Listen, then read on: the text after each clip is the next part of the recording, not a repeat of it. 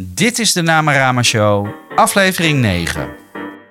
Welkom bij de Namarama Show, waarin ik op zoek ga naar en in gesprek ga met namen uit de wereld van reclame, marketing en ondernemerschap.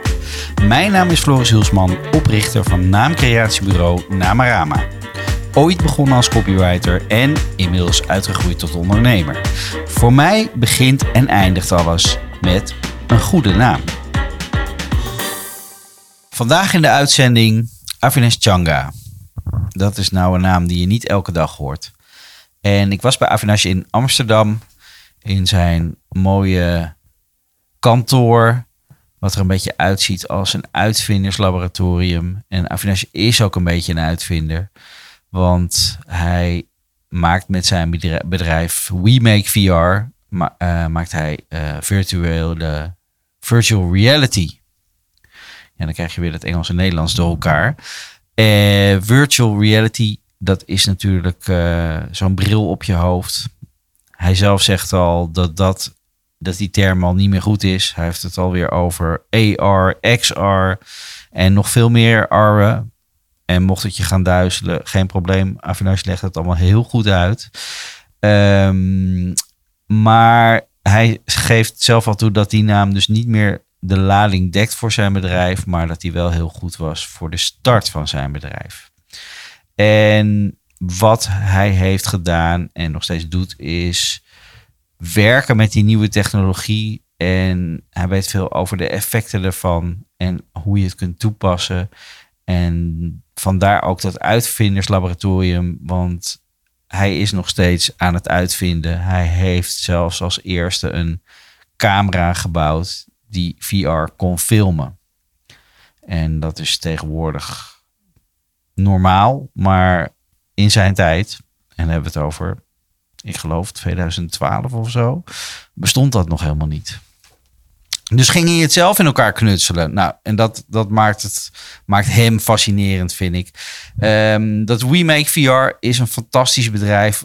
Het zit in Amsterdam, maar ze gaan echt de hele wereld over. Van New York tot Nepal, van South by Southwest tot Burning Man. En het is uh, tof om te zien wat ze allemaal doen en maken. En nou, zelfs als je alles al weet over VR of denkt te weten, dan ga je zeker nog wat nieuwe inzichten tegenkomen hier. Um, hij heeft het nou natuurlijk ook over de nieuwe Oculus die op de markt is gekomen. Oculus is een van de partijen die zo'n uh, een, een, een goede VR-bril heeft gebouwd. Ah, VR-bril. Nee, VR-bril. Handig hè, Engels en Nederlands door elkaar. En dat is de Oculus Quest. Um, vertelt hij ook nog over. Het is en blijft een beetje spannende technologie. En het roept ook weerstand op. Um, en dat komt ook omdat het echt invloed op onze hersenen heeft. Um, je kan de realiteit ermee veranderen. En mensen ervaringen geven die echt lijken. En eigenlijk is alles wat wij natuurlijk zien en meemaken in ons gewone leven en, en wat wij als realiteit beschouwen, in hoeverre is dat de realiteit? Het zijn natuurlijk altijd onze hersenen die daar iets van bakken van wat onze ogen zien en onze zintuigen meemaken. En daarom vinden we het ook heel spannend dat als je zo'n bril opzet, kun je dus de ervaring hebben dat je ergens echt bent. Je hersens worden dus voor de gek gehouden. En uh, ja, dat, dat vinden we spannend. Maar je kan er dus hele goede dingen mee doen. Je kan mensen iets leren. Je kan ze van angsten afhelpen. En Avinash heeft zelfs uh, plannen voor mensen in Zuid-Afrika die weinig hebben. Of hij is zelfs naar Nepal geweest voor uh, meisjes die in een moeilijke positie zitten. Om die te helpen met VR. En dat is fantastisch. En hij is dus niet alleen maar bezig met uh, hele toffe commerciële projecten, maar denkt ook nog aan de andere kant. Um, fascinerend. Hij heeft zelfs een film gemaakt, al mag je dat geen film noemen. Hoe dat zit, hoor je zo natuurlijk. En kreeg daarvoor een Gouden Kalf nominatie. Nou, dat is echt heel bijzonder, vind ik. Zijn film, die dus, ja, tussen aanhalingstekens film eh, eh, die geen film mag heten. Ashes to Ashes, eh, daar kreeg je een nominatie voor. Nou, hoe gaaf is dat? Eh, heb je al zo'n bril opgehad? Of nog niet? Zie je VR zitten of niet? Deze aflevering geeft je in ieder geval een nieuw en fris beeld rondom deze wonderlijke technologie. Luister naar uitvinder, entrepreneur en eh enthousiasteling Avinash Changa.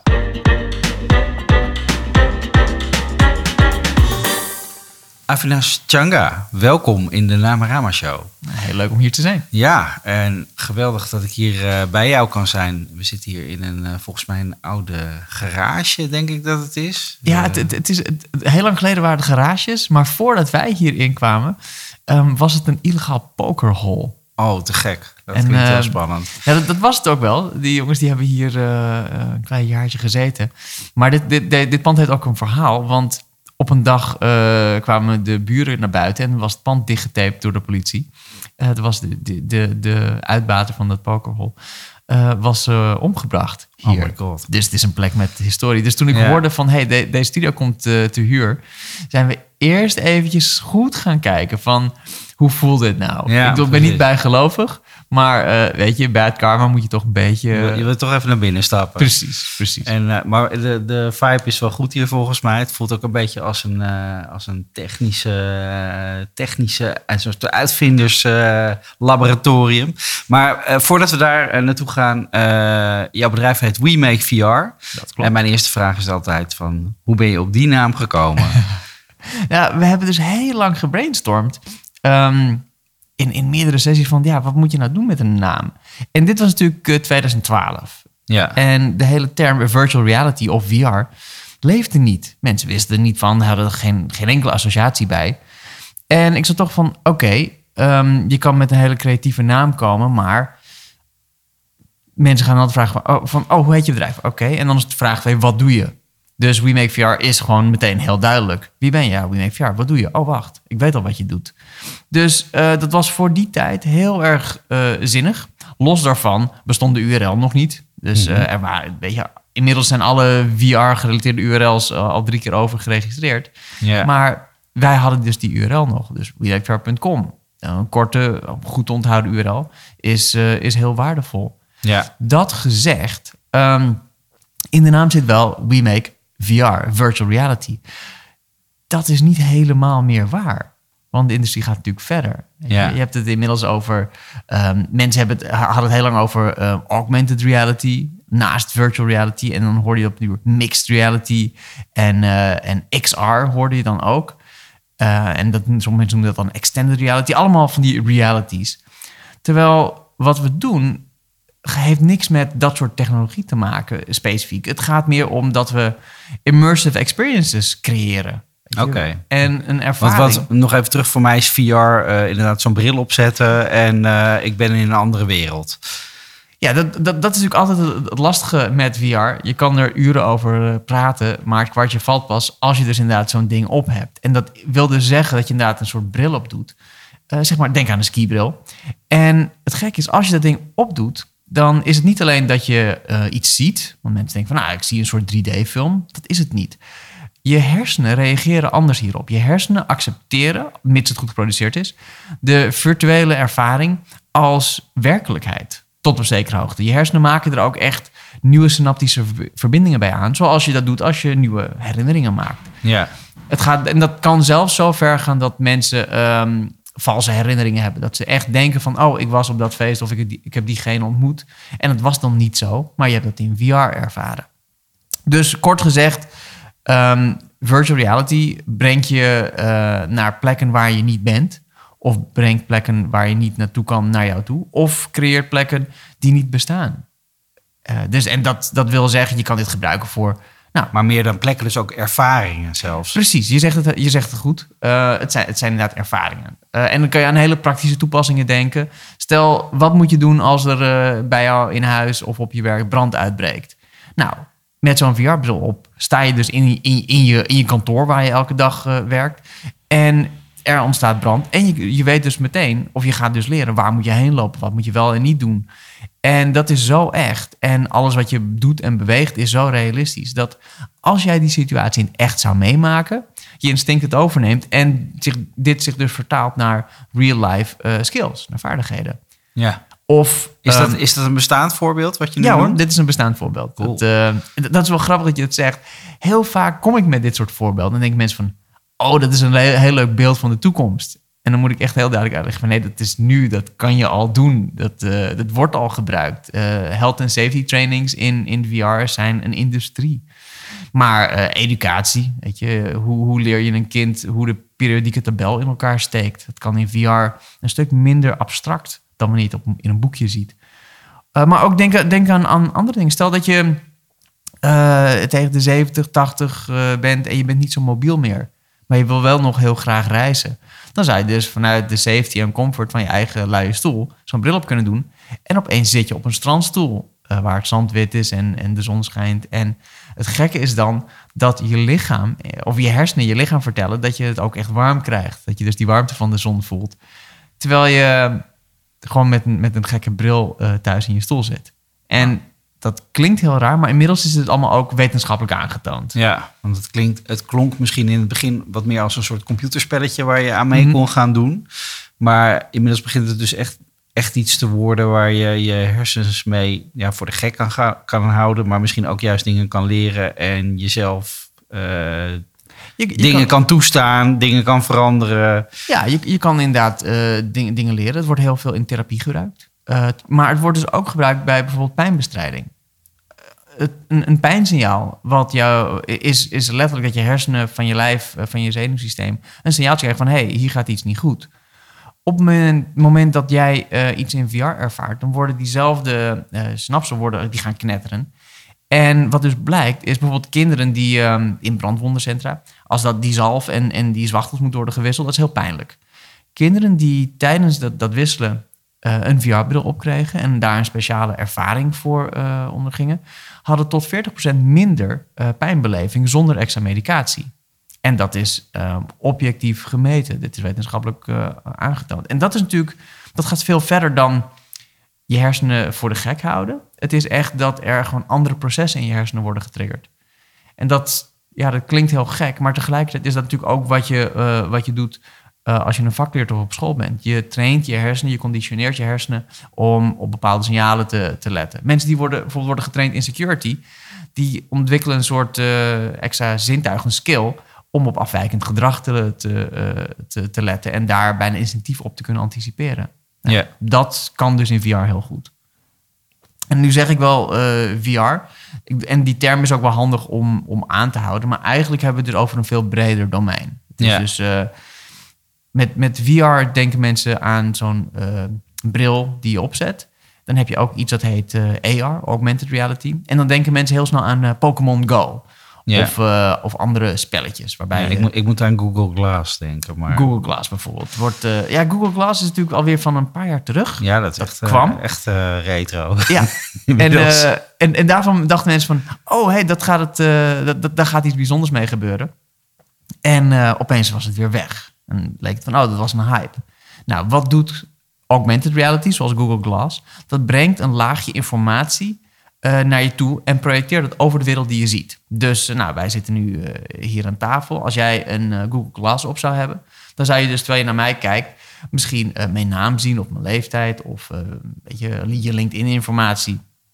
Dus dat is dan weer heel zinnig om bijvoorbeeld voor on-the-job training te gebruiken. Dus stel dat je uh, op, een, uh, op, een, op, een, op een windmolenpark voor zonne-energie moet gaan werken. En uh, je moet een, een systeem rebooten. Hoe moet dat? Welke knoppen moet ik opdrukken? Nou, dan kan je dus voor dat apparaat staan en dan zie je dus in die extra laag die je over de realiteit wordt geprojecteerd, op welke knop je moet drukken. En je krijgt dus gewoon instructies, alsof er een instructeur bij je staat. Ja. Maar die hoeft dus niet fysiek bij je te staan. Ja. Dat, dat gaat allemaal via een laagje over de werkelijkheid. Precies.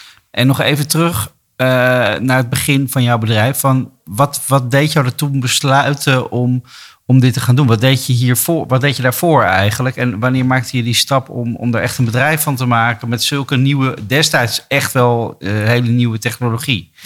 Ik, um, mijn achtergrond is, eh, is, is onder andere film en, en reclame. Maar ja, ik ben opgegroeid met een liefde voor videogames, science fiction films en, eh, en, en tech en al die dingen.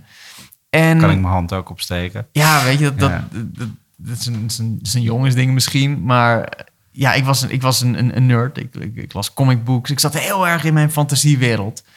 En ehm, ja, dan, dan ga je uiteindelijk ga, ga je, ga je aan de slag. En ik kwam vrij snel in, in de film slash reclame-industrie terecht. Dus eh maakte veel korte films, eh, veel VFX, visual effects voor commercials. En ja, in mijn optiek is het creatieve proces, of je dat nou maakt voor een computeranimatie, voor een game, of voor een website, of voor een reclamecampagne. Dat creatieve proces is een universeel proces. Je gaat gewoon door, weet je, een goed idee is een goed idee. En daar moet het beginnen. Dus, Maar wat en- zijn die stappen van het proces dan? Hoe zou je dat eh, uit, Kijk- uit, in stapjes uiteenzetten? ik, ik- als je bijvoorbeeld kijkt naar een, ehm, een, een reclamecampagne.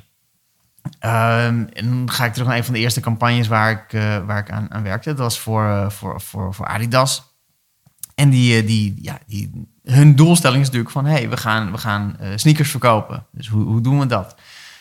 Dan ga je dus aan denken van... ja, oké, wie, aan wie verkoop je dat? Nou, aan, aan, aan, aan sporters, aan jongeren en noem maar op. En hoe communiceer je met die mensen? Nou, via tv, via de bioscoop, via het internet, via een, een smartphone, via ehm, een, een, een game. En dan blijkt van, nou, stel nou dat, dat in, die, in die campagne of in die films, dat daar, ehm, weet je, we maken, eh, dat, dat, dat je daar monsters in tegenkomt. Ik noem maar wat. Eh, want, weet je, een oude Nike commercial, Godzilla versus, wat was het, Kobe Bryant. Ehm, Ja, Oké, dat betekent dus dat er moet een Godzilla gemaakt worden. Nou, die moet dus digitaal gemaakt worden. Nou, dus dat moet worden ontworpen, dat moet worden, digitaal moet worden gemodeld. Maar of we die nou in die tv-commercial plakken, of dat we die nou op een website zetten, of op een smartphone in een app, dat maakt dus niet uit. Dat proces van, de, van een sporter versus een monster versus Godzilla, nou, dat is, je, dat is dan je idee. De technische stappen daarvoor, die gaan pas wijzigen op het moment dat je echt kijkt op welk platform moeten we iets uit gaan brengen. Dus al die stappen daarvoor, al je, je creatie, ja, dat is een universeel proces. En Ja. Als, het, als het idee, ja, als het idee niet goed is, weet je, dan is het garbage in, garbage out. Hoeveel, hoeveel leuke tech je er ook tegenaan gooit. En dat is me eigenlijk altijd, ehm, dat heb ik altijd als, als heel belangrijk gezien. Van, een idee moet tof zijn. Dus dat hebben we heel lang gedaan. En vanuit die, die, die, die, die hybride rol, en dat is een beetje gek, want ik, wij maakten dus campagnes, maar we, we deden het niet alleen voor commercials of bioscopen, maar ook voor eigenlijk alle platformen waarbij, waarbij maar iets van een digitaal productieproces. en bij, bij welk bedrijf was dit dan? Nou, ik ben begonnen bij een reclamebureau, bij 180, en later heb ik Disrupt opgericht. En dat was een, eh, ja, een digitale productiestudio. Ja, Wat dus digitale productie deed op alle vlakken. Weet je, eh, en dat is een beetje gek. Heel veel bedrijven en heel veel verwachting is ook van... je moet een niche kiezen. Je kiest één specialisatie. Wij maken 3D-animatie of wij, maken, wij filmen commercials. Of dat, die, dat heb ik nooit omarmd. Ik had dus van nee, je komt met een idee... en daarna kijk je wel wat de juiste vorm is daarvoor. En dan Ja. gaan we vanzelf wel zoeken hoe we iets met die vorm kunnen gaan doen. Vanuit mijn, ehm, mijn combinatie tussen een technische en een creatieve en een, ja, een, een strategische eh, achtergrond, kregen wij op een duur ehm, een, een, een, eh, te horen van hey, er komt een nieuwe virtual reality bril. Nou, het concept virtual reality gaat al, al tientallen jaren mee. Toen ik opgroeide zag ik ook films als eh Existence en, en, en The Matrix, eh, waar mensen dan aan denken. Eh, dus je hebt altijd vanuit popculture wel een beeld van wat VR dan is. ja, je had zelfs in de arcadehallen vroeger een soort van Ja. virtual reality spel met echt een gigantische bril die je moest Ja, opzetten. Een enorme bak En dan zag je lijntjes en, en streepjes, maar het was toch al meteen fascinerend. Het, het, het was fascinerend en die fascinatie die is er is altijd gebleven. Ondanks dat VR ehm, nooit ja, tot die tijd commercieel was doorgebroken. Ja, Maar die fascinatie die wij als mensen hebben met van... Hoe, hoe magisch zou het niet zijn als je in een film zou kunnen stappen... of in een videogame. Als, die, die, als je letterlijk naar je fantasiewereld zou kunnen gaan. Dat, dat, dat, dat idee gaat al, al decennia mee. Daar hebben science fiction schrijvers over, eh, boeken over geschreven. Films zijn erover gemaakt, maar het was altijd restricted tot de realm van science fiction. En heel veel bedrijven hebben geprobeerd VR naar de werkelijkheid te brengen. Maar het is nooit gelukt. Want dan had je dus inderdaad van die hele grote machines, zoals waar je het net over had. Heel erg duur en, met hele slechte kwaliteit. Dus dat ging niet schalen. Het was echt voor de enthousiastelingen en de hobbyisten. Nou ja, toen kwam er op een duur het verhaal van... hey, er kwam een Kickstarter-campagne voor een eh, zelfbouw VR-bril. Nou, daar was ik meteen in geïnteresseerd. En ehm, die campagne die begon opeens enorm te groeien. Uh, en dat was dus Oculus, ehm, het bedrijf wat, uh, wat heel groot geworden daarna. Wij kregen vanuit onze rol al vrij snel zo'n prototype VR-headset hier in huis. Met als idee van, nou, we kunnen hier computer graphics en videogame-achtige dingen voor gaan maken. Oké, dan zijn we aan de slag gegaan en dat, dat kon. Dat, was niet heel, heel makkelijk, want er was nul software. De, de hardware was niet goed gesupport, gesupport. Dus je moest alles zelf gaan uitvinden. Maar in het proces van, van zelf gaan uitzoeken, kwam wel de hele tijd het idee in mijn hoofd van... ja, maar dit, gaan, dit, dit zijn dan een soort videogames. Maar kunnen we niet doen wat we in de Matrix hebben gezien? Dat het er allemaal echt uitziet. Kunnen we, dit, kunnen we dan niet iets filmen? Dat je echt in de film stapt. En zo kwam op een bepaald moment een, rare ja, flash of inspiration. Ik uh, zat op de fiets op weg naar huis op een zondagochtend. En uh, ik had zoiets van... hey, maar wat nou als we dit doen met gekke lenzen... en met een camerasensor en, en, en, en wat software en een algoritme. En mijn hoofd begon te, te tollen. Ik kwam thuis, ben aan de keukentafel gaan zitten. Ik ben gaan schetsen. En uit dat proces van schetsen kwam uh, ja, de uitvinding van een van de eerste high-quality VR filmcamera's. Dat was natuurlijk uh, heel gek, want dan zit je dus hier in Amsterdam met een kleine studio en, en een idee. Ja, als, als reclame-strateeg, conceptmaker, een beetje met techniek bezig. Ja. En, en, opeens ga je een camera ontwikkelen. En opeens ga je iets uitvinden. Waanzinnig. En, dat, en, en dat ben ik gaan bouwen. En verdomd, um, een half jaar later hadden we iets wat werkte. En een van de eerste dingen die we toen hadden gedaan. Ik had toen een camera gemaakt. Het zag er niet uit. Het was houten blokjes en hot glue en letterlijk stukken elastiek. En, uh, en, allemaal en dan had je allemaal cameraatjes aan elkaar geplakt. Ik had allemaal cameraatjes aan elkaar geplakt en, en opengeschroefd en dingen ingesoldeerd en gekke dingen. Maar het, het zag er echt niet uit. Het, zag er echt uit als een soort rare, rare, rare homemade bom. Maar ik heb dat ding... Um, ik heb een bootje. Uh, ja, Sommige mensen hebben een bootje. Dus ik heb dat rare ding op een bootje geplaatst. En ik ben een, een rondje door de gracht gaan varen. En al die data die eruit kwam, hebben we hier in een paar maanden handmatig ja, samengevoegd tot een VR-beleving. En we hebben hier op kantoor toen mensen met dat prototype VR-brilletje um, op een stoel gezet, een draaistoel. En die, die bootervaring laten zien. Nou, dan gingen mensen die. Eerst dan kijken ze recht voor zich en dan hebben ze, oh, dit is tof. En dan ga je eens uitleggen. Want je kan ook om je heen kijken. Links, rechts, boven, onder en, en achter. En dat is heel onwennig. Maar op het moment dat mensen dat zien, dan hebben ze van... Holy shit, wat gebeurt hier? Dit, dit kan toch helemaal niet? Hoe dan? En dat, dat moment van verbazing, dat was echt iets magisch. Maar het werd nog toffer. Want wat gebeurt er als je op een boot zit en je bent aan het varen? Mensen op boten zwaaien naar elkaar. Dus toen wij aan het filmen waren, zagen mensen ons varen met, dat gekke ding en zwaaiden naar ons. Hier in kantoor zagen mensen dan eh, nou, dat mensen fietsen over de grachten. Je ziet mensen lopen. En ze zien ook een bootje op je afkomen in VR. En iedereen ging automatisch terugzwaaien naar die mensen. Geweldig. Terwijl ze dat instinctief deden. Terwijl ze gewoon hier in een kantoor zitten op een draaistoel met een stuk plastic op hun hoofd. En toch gingen ze dat doen. Dat, dat is heel raar. Ja. En na drie minuten was het, uh, drie, vier minuten was die tour dan klaar. En dan ging die bril af en dan keek ze om zich heen. En dan zei ze, nou, dat was echt ongelooflijk. Dat was tof. Maar waar hebben jullie nou die, uh, dat hittekacheltje en die, die ventilator verstopt? En ik had geen idee waar ze het over hadden. Maar dan, dus ging ik nee, maar neem in de zijk, want dat, er moet hier ergens zoiets staan. Want ik voelde de wind, de wind in mijn gezicht ik voelde de warmte van de zon. Nou, en toen kwamen we dus ook achter dat als een virtuele beleving realistisch genoeg is, je hersenen heel flexibel worden en zelf ja, eh, de blanks gaan invullen. En vanaf dat moment zijn we ook gaan samenwerken met uh, universiteiten en researchers om in kaart te brengen waarom dit werkt zoals het werkt. Ja. En dit was dus, ja, dan hebben we het over 2012, 2013, 2014. Dus dat is uh, echt, echt al wat jaartjes terug. Maar, maar wat, wat maakt jou dan zo... Uh, want, want er is echt heel veel tijd en werk en doorzettingsvermogen voor nodig, denk ik, om het allemaal werkend te krijgen. Weet je, en, en heel, eh, eh, heel veel mensen zijn bezig met hun klanten en het werk wat nog verder gedaan moet worden.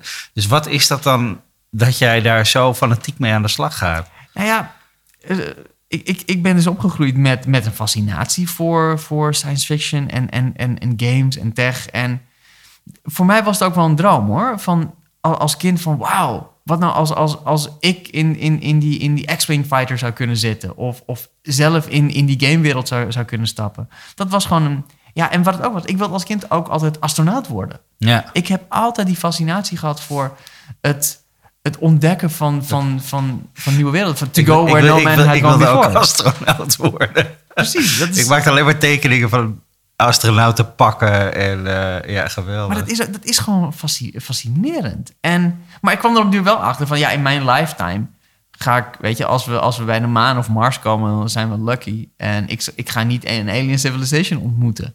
Dus dat heb ik al, al, al in mijn jeugd heb ik dat wel losgelaten. Maar die fascinatie van het ontdekken van nieuwe dingen is er, ehm, die is nooit weggegaan. Dat is Ja. altijd mijn, mijn, mijn drive eh, geweest. En toen ik die eerste regels code aan de praat kreeg op die prototype Oculus, was ik meteen hooked. Ik had zoiets van, ja, maar dit, dit is de toekomst. Dit, dit, dit, dit, gaat, dit gaat het worden. Dacht ik toen. Maar toen die eerste werkende ja, bootervaring er was, toen, toen ging ik om. Want we, we hebben vanuit Disrupt altijd technisch geëxperimenteerd. Dus Ja. dit, dit hele idee met die camera en die software was ook een Disrupt-experiment. Op het moment dat, die, dat, dat, dat ik hier in dit kantoor zag hoe mensen reageerden op wat we hadden gemaakt, was eigenlijk duidelijk van oké, dit, we gaan, ik drop alles. Dit wordt mijn toekomst. Wij gaan, gaan pionieren in, in de wereld van, eh, van virtual reality. Want dit is mijn roeping. Alles wat ik heb gedaan in, in mijn leven, zowel persoonlijk als in mijn, eh, in mijn professionele carrière, komt hierin samen. Mijn creatie, tech, eh, die, die nieuwe werelden, gaming. eh, En je liefde voor films. Want eh, En voor ja, eh, het heeft uiteindelijk zelfs een nominatie voor een Gouden Kalf opgeleverd. Ja, want wat, wat is er du- dus gebeurd? In die hele eerste wave van VR-content eh, ging het heel erg over de VR-film. Dus je, je stapt letterlijk in een film. Het is alsof je daar bent. Alsof Ja. je onderdeel van die film bent. En dan kan je dus denken aan... Nou ja, je kan naar de bioscoop gaan en, eh, en James Bond kijken. Maar wat nou als je opeens tijdens de car chase naast hem zit... en de kogel vliegt je om de oren en je maakt dat met hem mee. Dus dat heeft geleid tot een hele nieuwe taal. Want VR is geen videogame, het is geen, geen, geen, geen, geen theater, het is geen film. Het is een andere manier van, eh, van een, een, niet een verhaal vertellen, maar een experience creëren. En dat is iets dat vindt de industrie, de creatieve industrie, lastig. Mensen associëren het altijd met film. Mhm. Waarom? Je ziet lenzen, je ziet een camera, je ziet displays. Wij zijn ons meteen heel erg gaan verdiepen in wat is die taal dan? Waarom, wat is er dan anders waardoor iets in VR als narratief medium werkt en wat dan in film niet kan? Dus we zijn gaan kijken van hoe kun je dit medium gebruiken om iets te doen wat je in een ander medium niet kan vertellen? Want weet je, als je iets. Mijn, mijn, mijn, mijn kijk daarop is: als je een verhaal in een 2D-scherm of als een gewone film kan vertellen, vertel het als een gewone film. Heel veel bereik in dit hele proces zijn we dus wel gaan, gaan onderzoeken van wat zijn dan die regels. En we hebben opnieuw een experiment gedaan. eh, waarin we zijn gekeken van een theaterregisseur of een game-regisseur of een VR-regisseur. Wat doen die met een bepaalde scène? Ja. En we hebben eh, Anne Barnhorn, eh, een Nederlandse scenariste. Die heeft ook uh, geschreven. Ehm, daar zijn we mee gaan samenwerken. En daar is een verhaal uitgekomen... wat uiteindelijk eh, Ashes to Ashes is geworden. Nou, Ashes to Ashes is een uh, tragicomische film... of een verhaal... Um, van een, uh, een, een, een, een, grootvader die als laatste wens heeft... dat uh, zijn, zijn as en zijn woonboot met al zijn bezittingen tot ontploffing wordt gebracht. Het is een heel absurdistisch verhaal. Maar dit verhaal hebben we een VR-ervaring van gemaakt.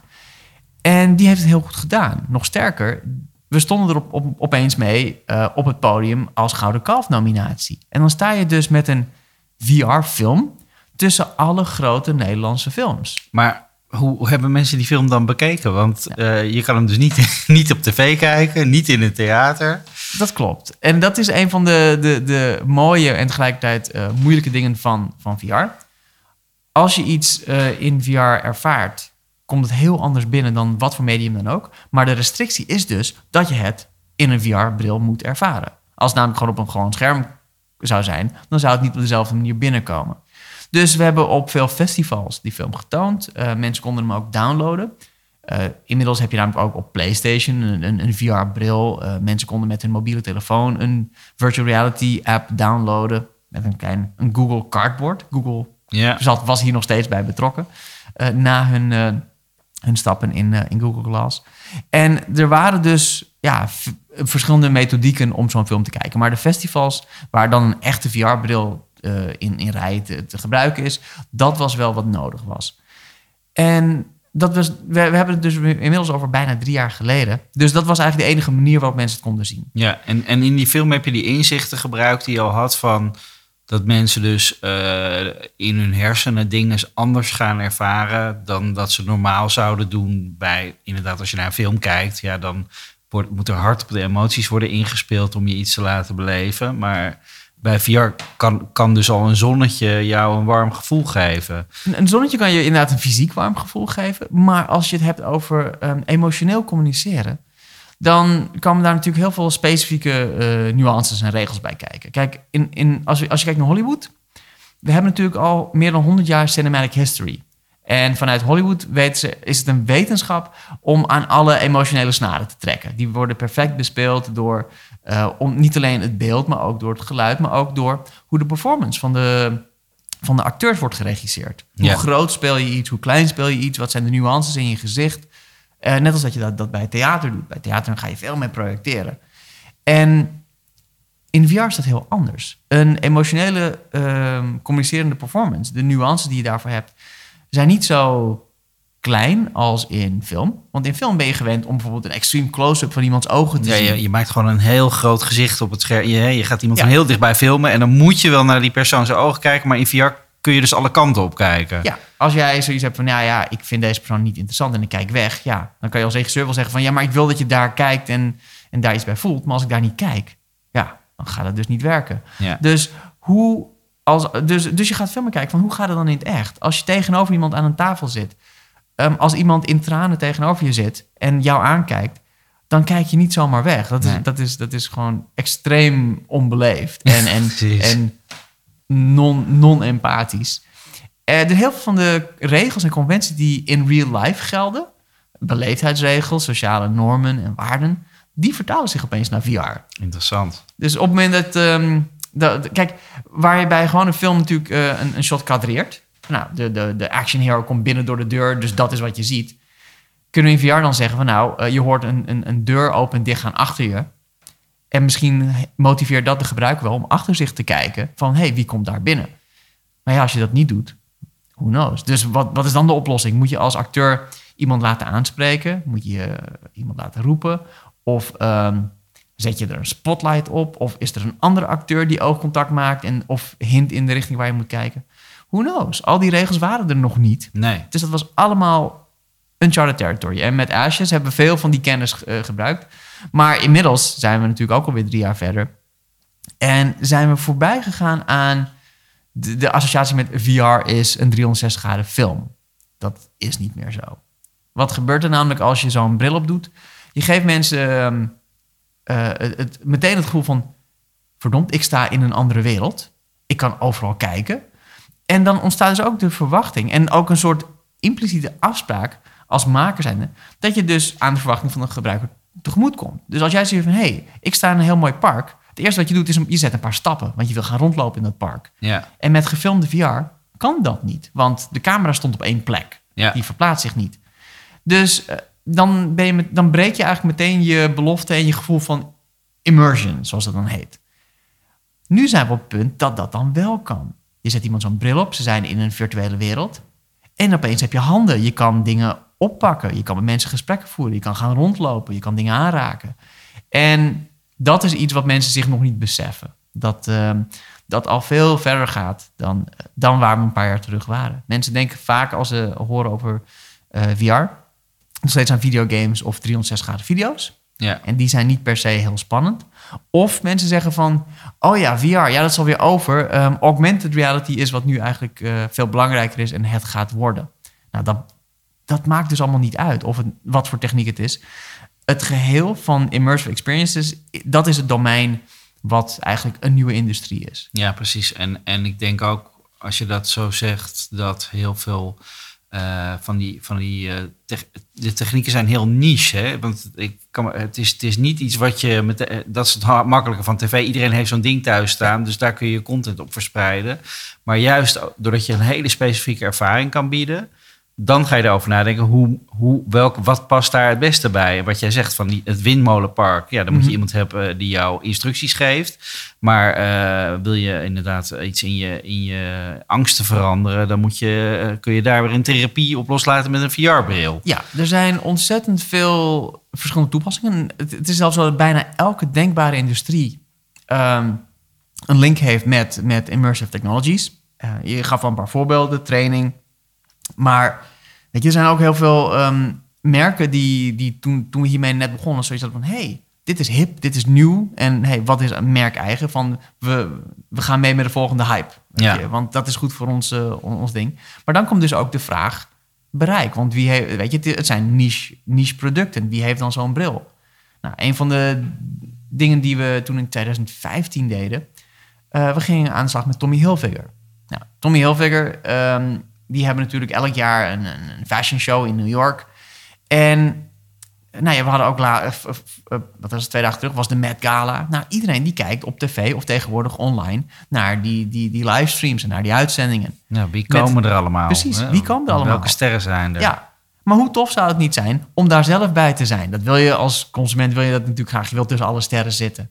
Dus wij kwamen met het idee van, nou, wat nou als we jou door VR in New York tijdens de, de, de, de, de, tijdens Fashion Week tussen alle celebrities kunnen laten zitten. En dat alle fashion models gewoon een meter voor jouw voeten langslopen en voor jou aan het modellen zijn. En je kijkt links en je ziet Anna Wintour en je kijkt uh, tegenover je en je ziet Tommy Hilfiger himself. Yes, dus front row seats bij uh, Tommy Hilfiger Precies. in New York. Ja, en nou, dat hebben we toen gemaakt. En toen, toen kwam dus het tweede ding van ja, maar hoe gaan mensen dit dus zien? Nou, rond in die tijd hebben we dus in alle belangrijke flagship stores van Tommy over de wereld hebben we een, een installatie neergezet, een, een, soort luxe booth, waar je ook als een VIP werd ontvangen. Je kon op een bankje gaan zitten, het personeel nam je jas aan en je kreeg dus die bril op. En opeens zat je daar in New York, terwijl je dan hier in, in Amsterdam in, in de Tommy uh, store zit. Ja, super. Nou, dat is ongelooflijk. Maar wat daarna gebeurde, en dat was eigenlijk wel wat het voor Tommy interessant maakte. Personeel in de winkels kon dus ook monitoren waar de consument uh, naar aan het kijken was, terwijl ze die bril op hebben. Van, oh, kijk deze dame nou naar, naar die top of die, die tas. Of kijk deze meneer naar, naar die schoenen of et cetera. En omdat je in een flagship store bent, is die hele collectie daar. Dus op het moment dat die bril afgaat, staat er gewoon een rekje voor je... met de dingen waar je het meest naar hebt gekeken. Kan je meteen passen. Dus wat gebeurt er dan? Het is rond die tijd nieuwe tech. Dus mensen gaan naar die winkel omdat ze nieuwsgierig zijn. Want ik wil zo'n bril op doen. Dus je krijgt een increase in store traffic. Maar omdat ze dus ook meteen kunnen passen wat, waar ze in geïnteresseerd zijn, krijg je ook een increase in sales conversion. Ja. Dus, en dat is nog steeds wel heel erg niche. Maar dat heeft uh, in dit geval Tommy als merk uh, coverage in, in tientallen industry magazines opgeleverd, maar ook in mainstream. Ik bedoel, dit stond ook op, uh, in, in, in, in de New York Times. Het is gewoon nieuws. Absoluut. Dat, dat is nieuws. Ja. Inmiddels is het een ander verhaal. Want in die tijd hadden mensen dus niet zelf zo'n bril en ging je dan naar, ja, motiveer dat je om naar zo'n Tommy winkel te gaan. Maar inmiddels is VR veel meer accessible. Al, een, als je een, een, PlayStation 4 thuis hebt, zo'n gameconsole, je kan gewoon bij de Mediamarkt uh, kan je een, een VR-bril kopen voor die PlayStation en je kan opeens VR gamen. Ja. Of VR-films kijken. Ashes to Ashes staat op het PlayStation-platform. En natuurdocumentaires. Je, je kan met uh, Richard Attenborough kan je terug in de tijd in dinosauriërs uh, gaan, gaan, uh, gaan ontdekken. Dus dan heb je opeens dat gezinnen met, met puberkinderen die een PlayStation hebben, hebben opeens een VR-headset in huis. Nou, dat was twee jaar geleden. Toen kwam een jaar geleden kwam, kwam de Oculus Go. Dat is een soort mobiele VR-headset. Kost je 200 dollar. En heb je geen computer bij nodig. Je hebt geen kabels nodig. Je koopt dat ding ook gewoon bij Bol en Coolblue en, en, en, en de Mediamarkt. En ja, er is niks ingewikkelds meer aan. Je zet het ding op. Wat gebeurt er? Dat apparaat is zo convenient, zo goedkoop, dat heel veel mensen um, de, die bril dan gebruiken om s'avonds in bed Netflix te kijken. Ah. Dan hoef je geen tv in slaapkamer te hebben. En je gaat je partner niet storen. Je doet gewoon die bril op en je hebt gewoon je eigen privé IMAX-scherm voor je ogen hangen. Hm, schitterend. En je bent gewoon je, net, je normale 2D Netflix-films aan het kijken. Ja. Nou, dat was. Maar dan hebben we het dus nog wel over een bril waarmee je om je heen kan kijken. En niet een bril waarmee je echt kan rondlopen of interactie hebt, of die je voor trainingen zou kunnen gebruiken. Over, ehm, eh, over twee weken worden de, wordt weer een nieuwe headset ge- uitgeleverd. Dat is dan eh, de, de Oculus Quest. Dan hebben we het over eh, eind mei 2019. Dan hebben we het over 21 mei Ah, oké. 2019. Kijk. Dat is echt zometeen. En dat is ook een apparaat wat, wat gewoon bij de retailers eh, te krijgen is. En dat is eigenlijk ehm, een, een, een high-end VR-experience voor, eh, voor 399 dollar. Waarbij je ook weer geen computer nodig hebt, geen, geen, geen kabels nodig hebt. Je hebt opeens handen in VR, je kan rondlopen, je hebt geen sensors nodig. Je kan met meerdere mensen tegelijk in een VR-beleving stappen. Eh, dus dit wordt ook sociaal. Je kan samen naar een sportwedstrijd gaan kijken aan de andere kant van de wereld of naar een concert gaan. En dat, is, dat kost je dan nu minder dan een smartphone. Ja, Nou ja, dat, dan zijn we dus inmiddels van het punt van... oh, het is voor de hobbyisten en, en de enthousiasts... overgegaan naar... ja, de- we zijn voorbij aan de early adopters... en we gaan nu richting de early majority. Dus dan heb je het over ehm, nou, een kleine 172 miljoen eh, actieve gebruikers op dit moment... die op een of andere manier ehm, iets met VR doen elke dag. Ja. Nou, dat is nog steeds op de, op de wereldmarkt niet enorm. Maar we hebben het niet meer over ehm, de, de 50.000 gebruikers waar we in, in 2014 aan En zaten. heeft, heeft Oculus dan een soort eigen platform waarvanuit je alles gaat ontdekken? Of, of hoe, hoe werkt dat? Want nou, bij mij begint alles eigenlijk bij Google, maar Ja. Bij, bij een VR-bril zal het weer net even anders zijn. Nou ja, de, de, de platformen eh, zijn vergelijkbaar met wat je ook hebt met je mobiele telefoon. Als jij een iPhone hebt, dan heb je de, de, de Apple Store en de App Store. ehm, waarin je je apps downloadt. Heb je een Android-telefoon, dan heb je Google Play. Ja. Waar je, dus dat, dat zijn twee verschillende app stores. Nou ja, zo heeft Oculus dus ook zijn eigen app store. Dus in die bril zit dan een, eh, een, een app store voor virtual reality ervaringen. Maar je hebt ook iets en dat heet eh, Steam. Steam is eh, ehm, eigenlijk wat, eh, wat de App Store is voor mensen die videogames spelen. Dus bijna alle denkbare videogames kan je via de Steam App Store halen. En je kan via Steam dus ook titels voor je Oculus downloaden. Ah, ja. Maar je hebt niet... Naast Oculus inmiddels heeft HTC heeft een bril ehm, die ook telefoons maken. HP heeft een VR-bril. ehm, Valve heeft een VR-bril. eh, Sony heeft dus een VR-bril.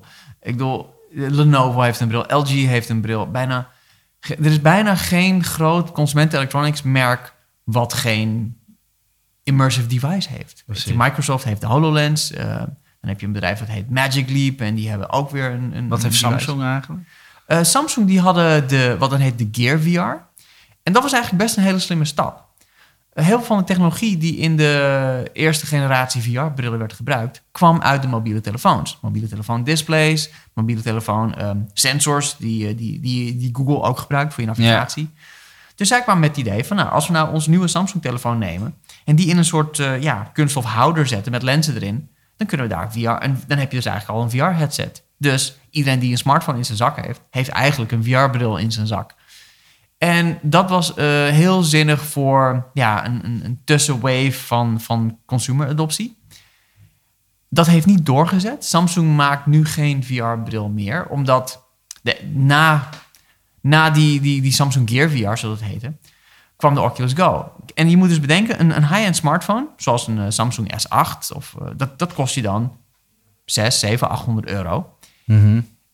Daarna kwam dus de Oculus Go. Dat ding dat kostte 200. Ja. Dus dan heb je eigenlijk dezelfde of een betere VR-beleving voor een kwart van de prijs. Oké, het is geen telefoon meer. Je kan er niet mee bellen. Het is een dedicated apparaat met één specifieke functie. Maar dat bleek dus voor consumenten ontzettend eh, ja, zinnig te zijn. Want de price point was, was, was laag. Ja. En alles wat je al bekijkt op onder andere Netflix... kan opeens in dit ding ook worden bekeken. Ja. Dus er is al een enorme content library. En je, je, die nieuwe bril komt er dus ook aan. Je verwacht eigenlijk dat er ook wel weer een nieuwe, nieuwe golf van aandacht komt. En wat eh, eh, ben jij daar al iets voor aan het doen? Heb je klanten die, die nu al denken van eh, daar wil ik op inspelen? Of heb je daar een project op lopen? Tuurlijk, Oh, natuurlijk. gelukkig. Nee, Vertel. kijk, eigenlijk is het bij ons zo... elk nieuw ehm, platform wat uitkomt...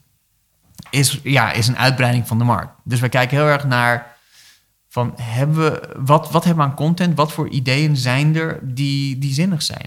En als je eens kijkt naar, nou dan komen we weer terug op dat, dat waar we mee begonnen. Dat hele idee dat een idee goed moet zijn. Als een verhaal of een, een experience goed bedacht is, dan maakt het niet zo heel veel uit op welke bril dat uitkomt. Of het nou op een Oculus bril of op een HP-bril uh, uitkomt. Dat, dat boeit niet. Mhm. Zolang de ervaring uh, maar goed wordt ondersteund door het apparaat. Dus op het moment dat wij iets uh, zeggen van...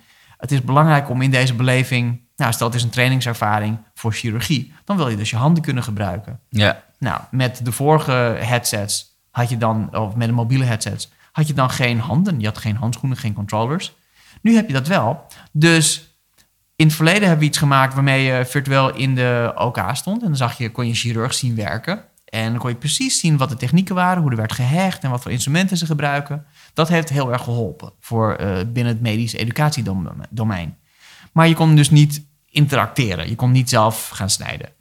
Nou, de volgende stond, stond daar nog steeds jouw zelfgebouwde camera in de OK? Of was stond, het inmiddels wat anders? Nou, die camera's die we hebben ontwikkeld, die zijn wel steeds verder doorgegaan. Maar dat is niet... Je hebt er zelfs een patent op, toch? Dat klopt. We hebben inderdaad uh, een patent op bepaalde technologie. Dat gezegd, dat hebben ik heb die camera nooit ontwikkeld omdat ik een hardwaremaker wilde worden. Ik wilde ervaringen creëren.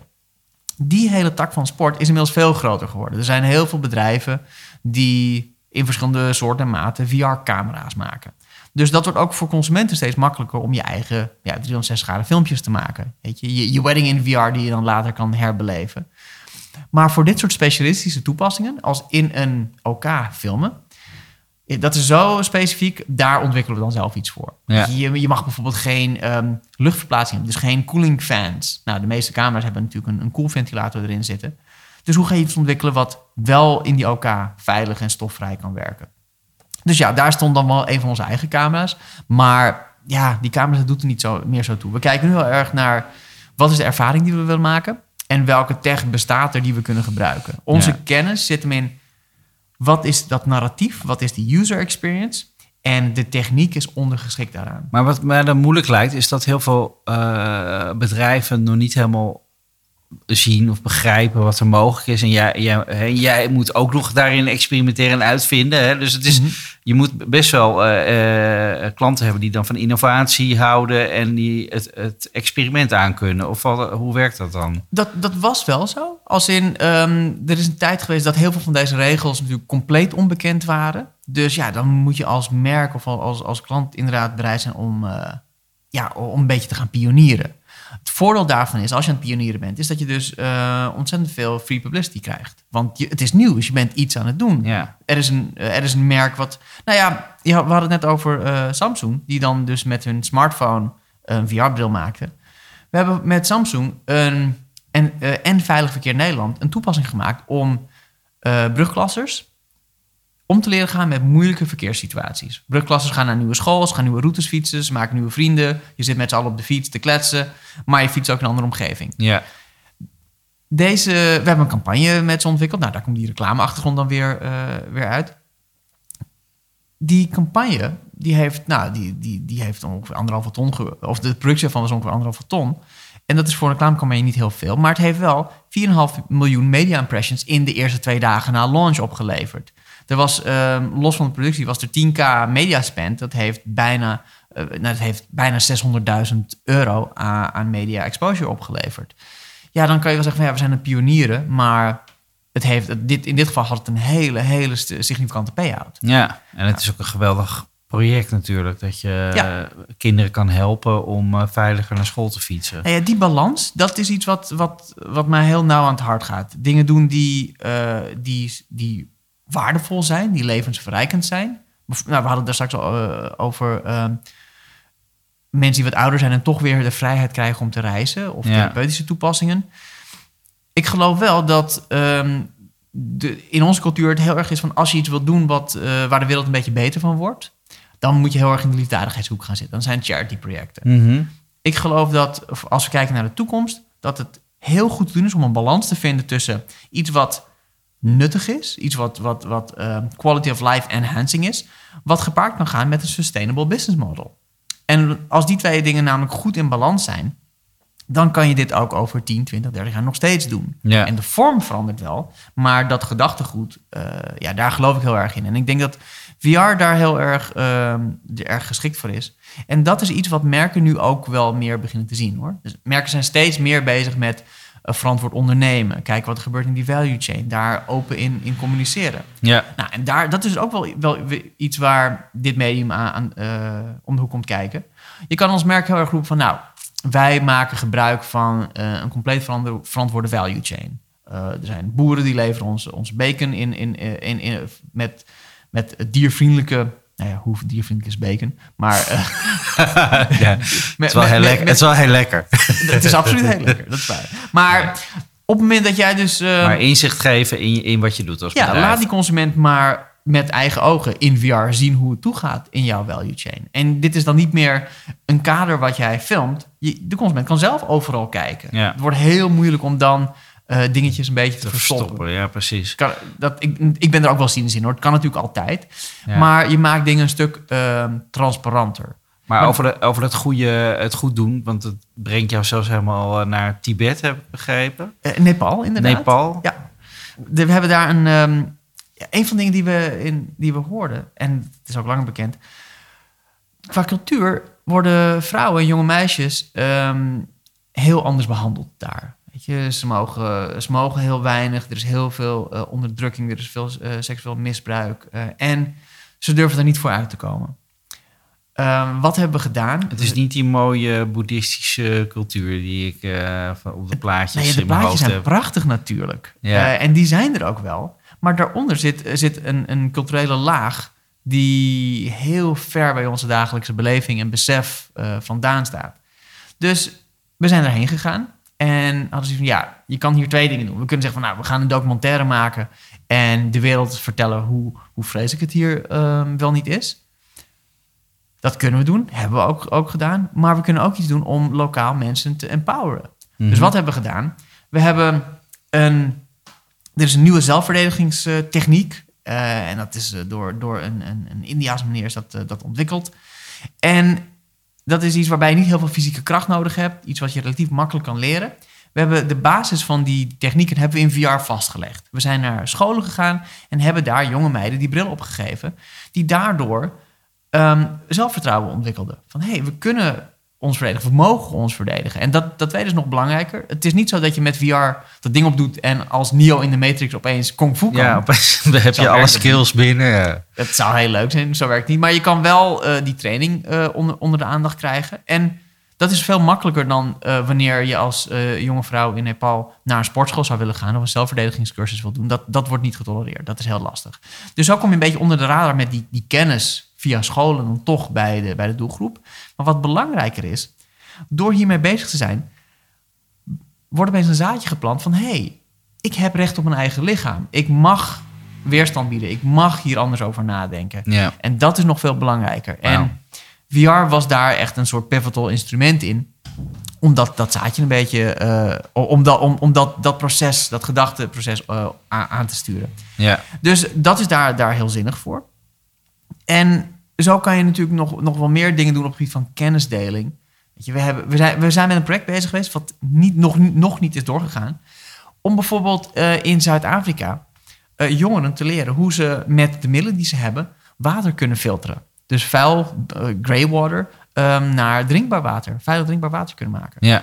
Dat kan je natuurlijk proberen via een, een, een, een boekje te doen of daar als, als team heen te gaan en dat die, die, die kids te leren. Wat blijkt, ondanks dat ze geen cent te mak hebben, hebben al die kids wel smartphones. Vraag niet hoe ze eraan zijn gekomen, maar ze hebben allemaal compleet state-of-the-art smartphones. Ja. Dus ze hebben een soort VR-device in hun zak zitten.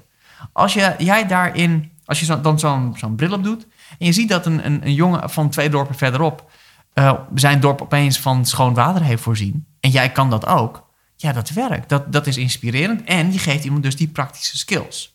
Heel gaaf. Dus uh, het gekke is, we hebben dit bedacht.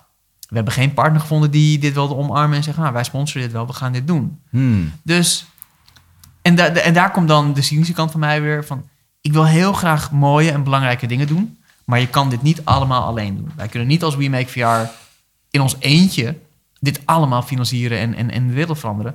En ik geloof daar ook niet in. Je- Ik geloof in, in bewustzijn verspreiden met partners. Ja, Maar dat besef, dat, is, dat valt soms, eh, eh, soms dat, is, dat vinden organisaties soms moeilijk om te omarmen. Van, oh wacht, we moeten iets gaan doen wat we niet gewend zijn. We moeten iets nieuws gaan doen. Dat kan misschien iets opleveren, maar we weten het niet.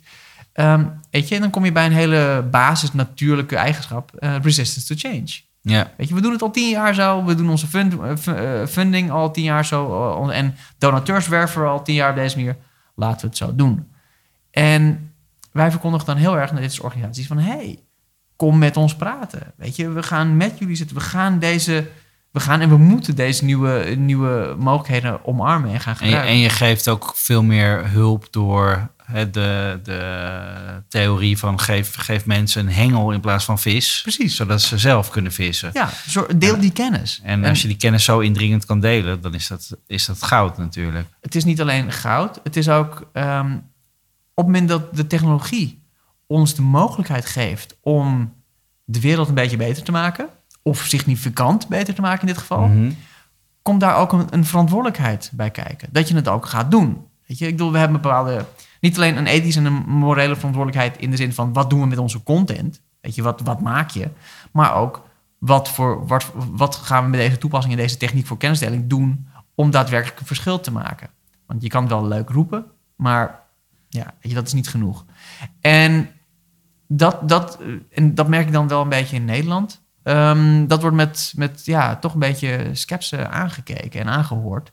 Van ja, maar jullie zijn gewoon een commercieel bedrijf. Je wil gewoon je product verkopen. Ja, tuurlijk. Als we dat niet doen, dan bestaan we over een paar jaar niet meer. En dan kunnen we helemaal niks goeds meer doen. Ja. Maar die balans, ja, daar, daar geloof ik in. En ik vind dat eh, zeker de, de, de grote Nederlandse organisaties daar ook een beetje hun verantwoordelijkheid in moeten nemen. Weet je, er zijn ontzettend veel grote organisaties die, die tonnen uitgeven aan, aan marketingcampagnes. Terwijl de kosten van een zinnige VR-productie ehm, inmiddels eh, goed te behappen zijn.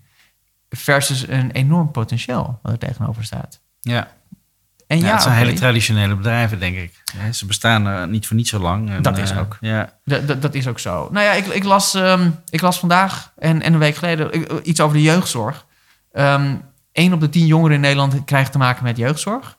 En nou, vanochtend eh, stond eh, op nu.nl dat eh, de jeugdzorgsector ehm, enorm underfunded is. Ze hebben heel veel meer geld nodig door de decentralisatie. ja. Wij hebben al jaren terug toepassingen gemaakt voor de jeugdzorg, waarmee ehm, we eh, kostenefficiënter kunnen werken, jongeren kunnen helpen, de, de, de, de zorgwerkers hun, hun, hun werk kunnen ondersteunen. En wij hebben dat gemaakt, grotendeels op eigen kosten. Ik ben nog steeds met eh, jeugdzorgorganisaties aan het mailen van... jongens, we hebben iets, laten we dit gaan toepassen. En dan krijg je gewoon nul respons. ja. Ja, dat, dat, dat, daar, daar, daar ben ik dan heel erg verbaasd over. Als, als het allemaal, en dat is ook wel iets wat we hebben geleerd. Op het moment dat wij dus uit eigen initiatief bepaalde dingen maken... of dingen sponsoren of dingen gratis doen... wordt het dus niet serieus genomen. Op het moment dat wij een partner in de arm nemen en zeggen van... ja, is allemaal hartstikke... we gaan fantastische dingen voor je maken... maar je moet wel nu eh, een ton voor de productie neerleggen... en wij leggen die andere ton wel bij... ja. maar die moet je neerleggen. Dan verandert er iets. Dan nemen ze het serieus als organisatie. Dan, gaat, dan, dan wordt de PR-machine aangeslingerd. Dan wordt het personeel geïnstrueerd. Dan gaat dat leven. Maar If you pay, you pay attention. precies. Ja, Precies. ja, en dat is, het. het is vreemd dat het zo werkt, maar zo werkt het. Ja. Maar het is, het is, eh, ja, het is natuurlijk ook niet helemaal. eh, je bent gewoon nog aan het pionieren. Eh, zo klinkt het. Hè? En, en het is niet eh, natuurlijk de. de, de het, is, het is nieuw, het is anders, het is, eh, het is best wel heftig eigenlijk. Hè? Als je zegt dat het verandert je, het kan je echt veranderen of het geeft je echt een ervaring. En dat maakt het natuurlijk heel, heel spannend en ook een beetje ontastbaar ergens. Ja, het, het, maar het heeft het heel lang. dat, dat is ook lang zo geweest. En ik denk ook eh, dat gevoel van ontastbaarheid, dat gevoel van het is nieuw, het gevoel van is we, we hebben daar heel veel onzekerheid en heel veel vraagtekens bij. Het komt ook uit ehm, heel veel ehm, ja, misinformatie of achterhaalde informatie. Je- We, doen ehm, met regelmaat eh, spreek ik op, op conferences om te vertellen van hé, wat is dat hele immersive media gebeuren dan? En inmiddels werken we eigenlijk een lijstje van, van vooroordelen af. Mensen denken van, oh, VR, vind ik niet tof, want je wordt er misselijk van. Ehm, het heeft geen bereik. Het is voor mijn industrie niet, niet relevant. Ehm, het is heel duur om te maken. Eh, het, eh, het is niet zo goed als AR, noem maar op. Mhm. Heel veel van dit soort punten waren twee, drie jaar geleden nog waar. En ja, dat is nu niet meer zo, maar dat weten mensen niet. Nee. Dus een deel hiervan is ook, eh, en dat is ook een van onze taken, is ja, die, die kennis verspreiden. Ja. En veel van dat soort vooroordelen wegnemen. Je geeft ook regelmatig demo days, toch? Hier in Ja. Amsterdam. We doen eh, vier keer per jaar. eh, dat is dan de, de We Make VR eh, Demo Night. En dat is dan in het Vondel CS. En ja, want dat, dat, dat zei ik daar straks ook al. Je kan uren praten over VR, maar het kwartje valt pas als je dat ding opdoet. Ja. Dus we nodigen mensen dan ook uit van nou, kom langs en doe zo'n bril op. Hoe kunnen mensen daar komen? Eh, je gaat naar onze site, wemakevr.com of naar onze eh, facebook.com slash wemakevr. En daar kondigen we gewoon onze nieuwe, nieuwe events aan. En het is, ja, het is, het is, iedereen is daar welkom. Je hoeft niet in de industrie te zitten, je hoeft niet een creatief te zijn. Als jij gewoon een geïnteresseerde consument bent, by all means, wees welkom. En, Superleuk. Ik kan het eh, van harte aanbevelen. Ja, echt heel dus, leuk. eh, ja, ik hoop je op de volgende te zien. Ja, ik eh, ben erbij. Hey, en ehm, eh, de toekomst van VR, want eh, ja, ja, je ziet al, dus de apparaten worden goedkoper, het wordt beter, het wordt sneller, het wordt meer omarmd. Eh, gaan we een paar jaar verder kijken, waar, waar sta jij met je bedrijf in de ideale situatie? Ik denk als we. En dat is een lastige. Om, het is met, met immersive media heel lastig om echt ver vooruit te kijken. Vijf jaar is te ver. Niemand kan daar een uitspraak over doen. Twee, drie jaar, dat is waar je ongeveer nog iets reliables kan zeggen. Nou, eh, wat ik dan zie, is dat ehm, wij geen Remake VR meer heten. Dat, dat één ding, omdat het eh, te veel in een... Je hebt een nieuwe naam nodig, begrijp ik. Ik heb een nieuwe naam nodig. Er wordt hard aangewerkt. Ehm, daar gaan we het nog over hebben. Is goed. Maar de, ik denk dat een, we wel bekend zullen zijn om een aantal toepassingen die op dat punt eh, ja, de massa hebben bereikt. En dan hebben we het over eh, zorgtoepassingen, educatieve toepassingen. Maar in een heel ander domein, als je kijkt naar bijvoorbeeld eh, de mu- museale sector, eh, een virtueel museum of cultureel erfgoed, dat is ook iets waar we veel mee doen. En wat veel normaler zal zijn. Dat mensen weten van, nou, we hebben het laatst gezien in Parijs. ehm, weet je, een historisch gebouw wat opeens niet meer bestaat. Het gaat in vlammen op. Het wordt dan steeds normaler dat eh, cultureel erfgoed wordt gevirtualiseerd. Van hé, hey, ehm, ik kan het, het, het verloop van, van Amsterdam of van Nederland of een bepaalde plek in de wereld, kan ik in VR herbeleven en ik kan dat zien. Dus dat zal veel normaler zijn. Dat is ook iets waar mensen ons om eh, zullen gaan, gaan kennen. En het, het stuk, ehm, ja, gewoon entertainment. Gewoon toffe verhalen, toffe experiences. Dat is iets waar, ehm, waar je zeg maar die hybride vorm gaat vinden... wat niet een film, theater of een game is, maar iets nieuws... Mhm. wat nog geen naam heeft. Dat is waar wij ehm, gaan excelleren. Ah, gaaf. Ja, dan begint mijn eh, fantasie ook meteen op hol te slaan. Waar, waar, wel, waar, maar dat moet je in, in Hollywood dan gaan do- doen, of in Silicon Valley, of eh, waar, waar gaat dat gebeuren voor jullie? Mensen denken altijd, en dat was in het begin ook zo van... hey, jullie zitten in Amsterdam, maar je bent gek. Je moet inderdaad in Silicon Valley gaan zitten, of in LA of in New York. Dus we zijn daar geweest. We hebben daar met, met van alles en iedereen gepraat. Maar Amsterdam is een ontzettend sterke creatieve hub. Er komt ontzettend veel talent hier naartoe. Quality of life hier is goed. En we kunnen van hieruit de hele wereld overvliegen. Het maakt mij niet uit waar wij fysiek zitten. Nog sterker, we hebben een divisie in Portugal. Ehm, we zien elkaar nooit fysiek. We zien elkaar in VR en online. En dat werkt gewoon seamless. Dat is geen Ja. enkel probleem. Dus wij gaan dit soort dingen maken ehm, waar het voor de productie relevant is. Dus als blijkt van, oh, we moeten iets gaan filmen er aan de andere kant van de wereld, nou, dan vliegen we daarheen en we vliegen terug. Maar ik denk dat steeds meer dingen ehm, ja, worden, synthetisch worden gemaakt, digitaal, in de computer. En dat dat op een punt komt dat mensen het verschil niet meer zien of dat het verschil niet meer uitmaakt. Ja. En een belangrijk deel daarin is ook dat dit soort ervaringen niet meer alleen ja, dus gefilmde eh, ervaringen zijn die je in je eentje meemaakt, maar dat dit sociale ervaringen zijn. Dat je dus met mensen die op andere plekken in de wereld zitten of naast je zitten, Mhm. een VR-bril op hebben en dat je in VR een virtuele avatar hebt die er exact uitziet zoals jij er in het echt uitziet of, of zoals jij wil, eh, wil dat je eruit ziet, maar dat ook dus je emoties op die manier communiceren.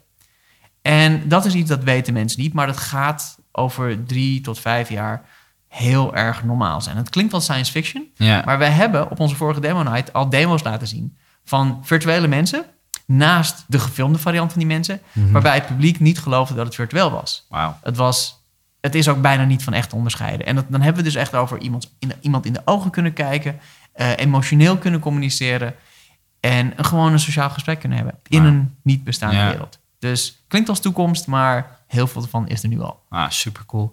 En, en wat, wat is dan als ik nu een bedrijf ben en ik zit echt met, met, met dat gevoel van ja, ik wil wel, wel iets met VR, maar ik zou echt bij God niet weten hoe of wat. Wat zou mijn, mijn eerste stap moeten zijn? Wat, wat- is dan jij altijd een vraag of, of hoe, hoe, hoe begint dat proces? Het eerste wat we doen is eh, mensen een, een bril opzetten en een aantal dingen, nou ja, een beetje een, een selectie van verschillende VR-belevingen laten ervaren. In bepaald geval ook wat voor die sector relevant is. Ja, Ehm, en dan gaan er opeens zoveel snapsen knetteren. Dan zie je al die radertjes draaien. En dan komt er, zonder dat wij nog iets hebben gezegd, een enorme stortvloed van ideeën.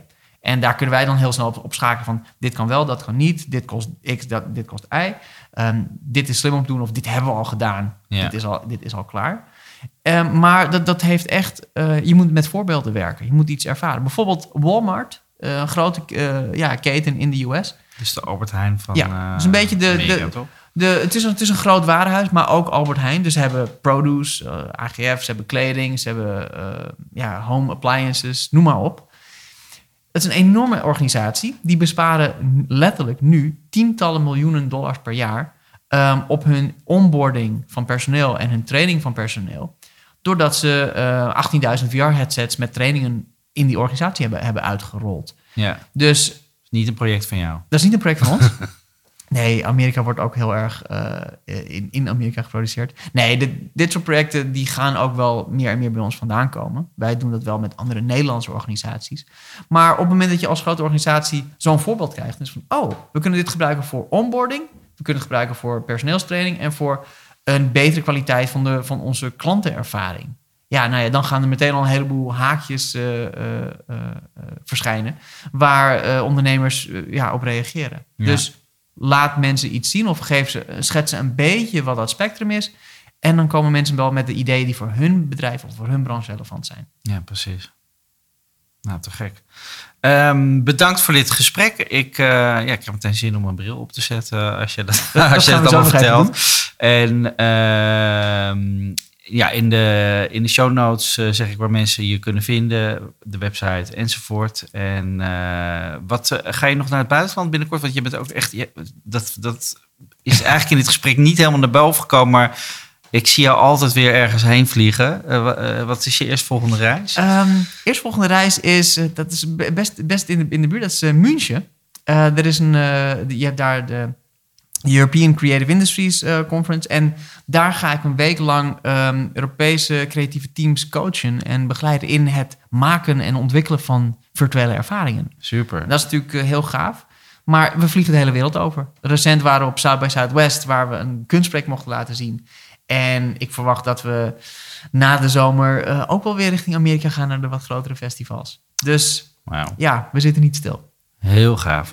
Dankjewel. Graag gedaan. Dit was de Namarama Show. Ik wil je hartelijk bedanken voor het luisteren. Vind je dat meer mensen ook moeten luisteren? Zet dan een review op iTunes.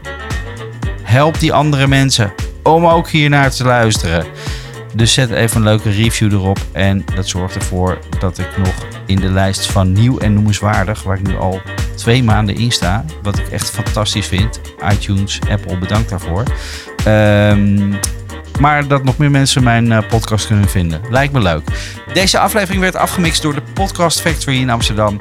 Hartelijk dank jongens. En de muziek werd verzorgd door Epidemic Sound.